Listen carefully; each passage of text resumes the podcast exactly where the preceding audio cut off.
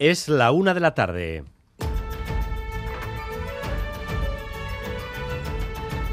Crónica de Euskadi con Dani Álvarez. A Rachaldeón, los principales sindicatos vascos, salvo la UGT, confirman el otoño caliente en el sector público. Dos días de huelga, 25 de octubre y 19 de diciembre. Denuncian el estado de los servicios públicos y la pérdida de poder adquisitivo de sus empleados. Irache Ruiz, imagen de unidad de los sindicatos que representan al 85% de los 150.000 trabajadores públicos del país. Si huelga casi unitaria en lo público para recuperar la calidad de Osakidecha, la educación o la justicia, los sindicatos señalan que es evidente el deterioro de los servicios públicos y de las condiciones laborales. Esto dicen mientras las instituciones vascas se jactan de sus recaudaciones récord y superávit. Igor Izaguirre, Iratito Barlab creo que el deterioro del sector público de los servicios públicos es más que evidente. No ha habido un acuerdo global, ni en mesa general, ni en mesa sectorial, desde hace más de 10 años. Llamamos a la huelga a las 150.000 trabajadoras y trabajadores de dicho ámbito. Pedimos a los partidos políticos vascos con representación en Madrid que, que posibiliten poder acordar aquí nuestros salarios y empleo. Exigir una subida salarial de 10%, reducir la temporalidad al 8% y aligerar las cargas de trabajo. La convocatoria llega apenas unas horas después del pleno en el que el Lendakari recordó que siendo los empleados con las mejores condiciones en comparación con el resto de comunidades autónomas, aquí es donde más huelgas le convocan y les pedía responsabilidad. Erantzunkizuna eskatzen dut. Eskubideak eta bete beharrak ditugu. Bai erantzunkizun politikoa dugunok, eta baita gizarte eragile guztiek ere. Individualismoaren aurrean, komunitatearen onura bilatzen duten politikak defendatuko ditu gobernuak.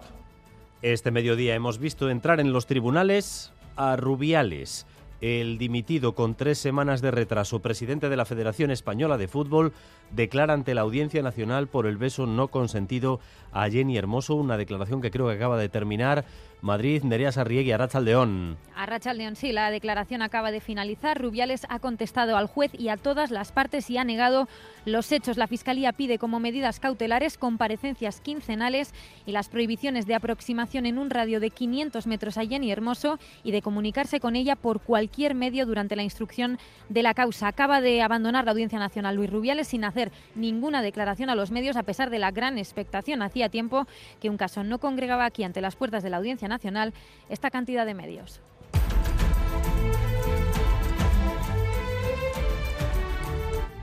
En la playa de la Concha ha aparecido esta mañana el cadáver de un hombre, un hombre que tenía 41 años y nacionalidad irlandesa. Vamos a ver qué se sabe de momento de lo ocurrido. Laida Basurto, Arrachaldeón. Arrachaldeón ha sido un operario de limpieza quien lo ha localizado en la orilla de la playa, eso de las 8 de la mañana, y ha dado la voz de alarma a la policía municipal. Tras localizar sus enseres y la llave del hotel, han podido localizar a sus amigos que se han personado en la playa y han podido identificar el cadáver. Según las primeras investigaciones, el cuerpo no presentaba signos de violencia. En cualquier caso, la autopsia aclarará si ha fallecido o no por causas naturales. Y en la crónica política, la nota de color del día está en la expulsión de Nicolás Redondo Terreros del Partido Socialista. En realidad todo el mundo pensaba que Redondo estaba fuera del PSOE desde hace años porque sus intervenciones en los medios no se caracterizaban precisamente por ser muestras de afecto a Ferraz, pero su actitud frente a Pedro Sánchez en las últimas semanas ha colmado la paciencia de la sede central. Y claro, el Partido Popular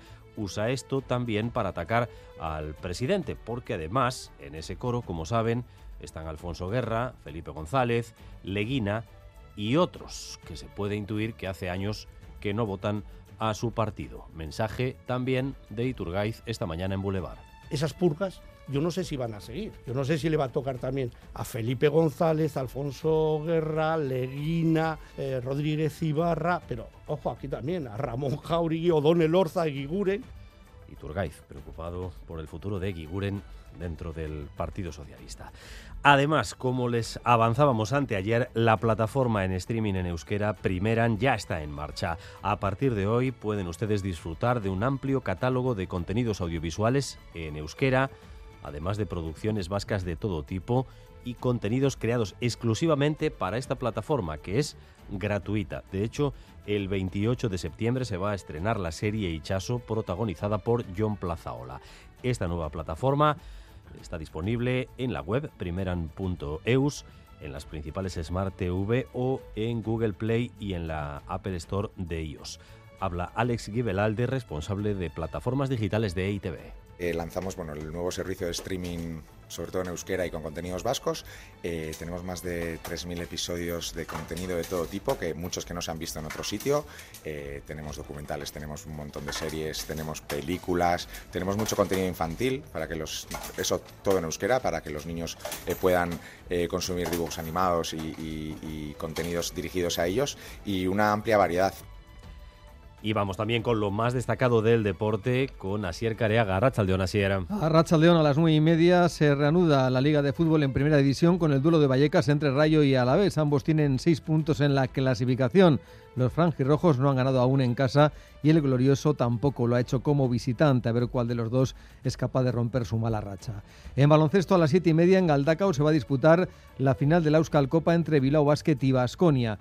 En la Liga Sobal de Balonmano, la Neita buscará en la Catedral a partir de las nueve y media su primera victoria de la temporada. En la vuelta, ante penúltima etapa entre La Bañeza e Iscar, de 177 kilómetros completamente llanos. Y en pelota arranca esta noche la Feria de San Mateo con el duelo entre Jacalvisu y Ezcurdia Rezusta. Metro Bilbao devolverá a los usuarios el dinero que pagaron por los desplazamientos durante los 13 días en los que no se aplicaron los descuentos. Mayalen Galparsoro. Un descuento del 50% que se venía aplicando desde el verano de 2022 y que Metro Bilbao no aplicó a los usuarios los primeros 13 días de julio. Dicen por un error de planificación del Consorcio de Transportes de Vizcaya que no se reunió a tiempo para ampliar los plazos. EH Bildu hizo la petición en julio y se espera que PNV y PSE aprueben en el próximo pleno de las Juntas Generales una iniciativa para compensar a los viajeros y devolverles el dinero. ¿Cómo? Pues siguiendo el rastro electrónico de las, las BARIC utilizadas en ese periodo y a través de transferencia.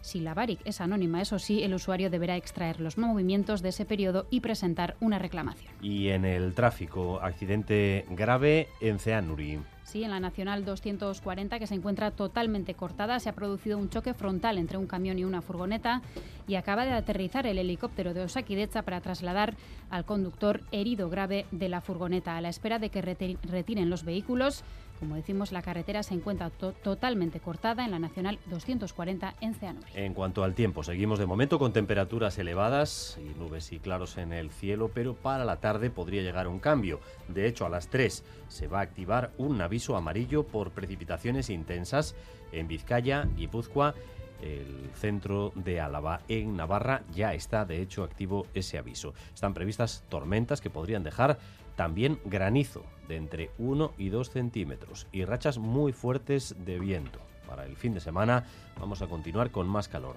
27 grados ya en Bilbao y en Bayona, 26 Donostia, 22 en Pamplona, 21 en Vitoria-Gasteiz. Gracias un día más por elegir Radio Euskadi y Radio Vitoria para informarse. Raúl González y José Ignacio Revuelta se encargan de la dirección técnica y María Cereceda de la coordinación. Crónica de Euskadi con Dani Álvarez.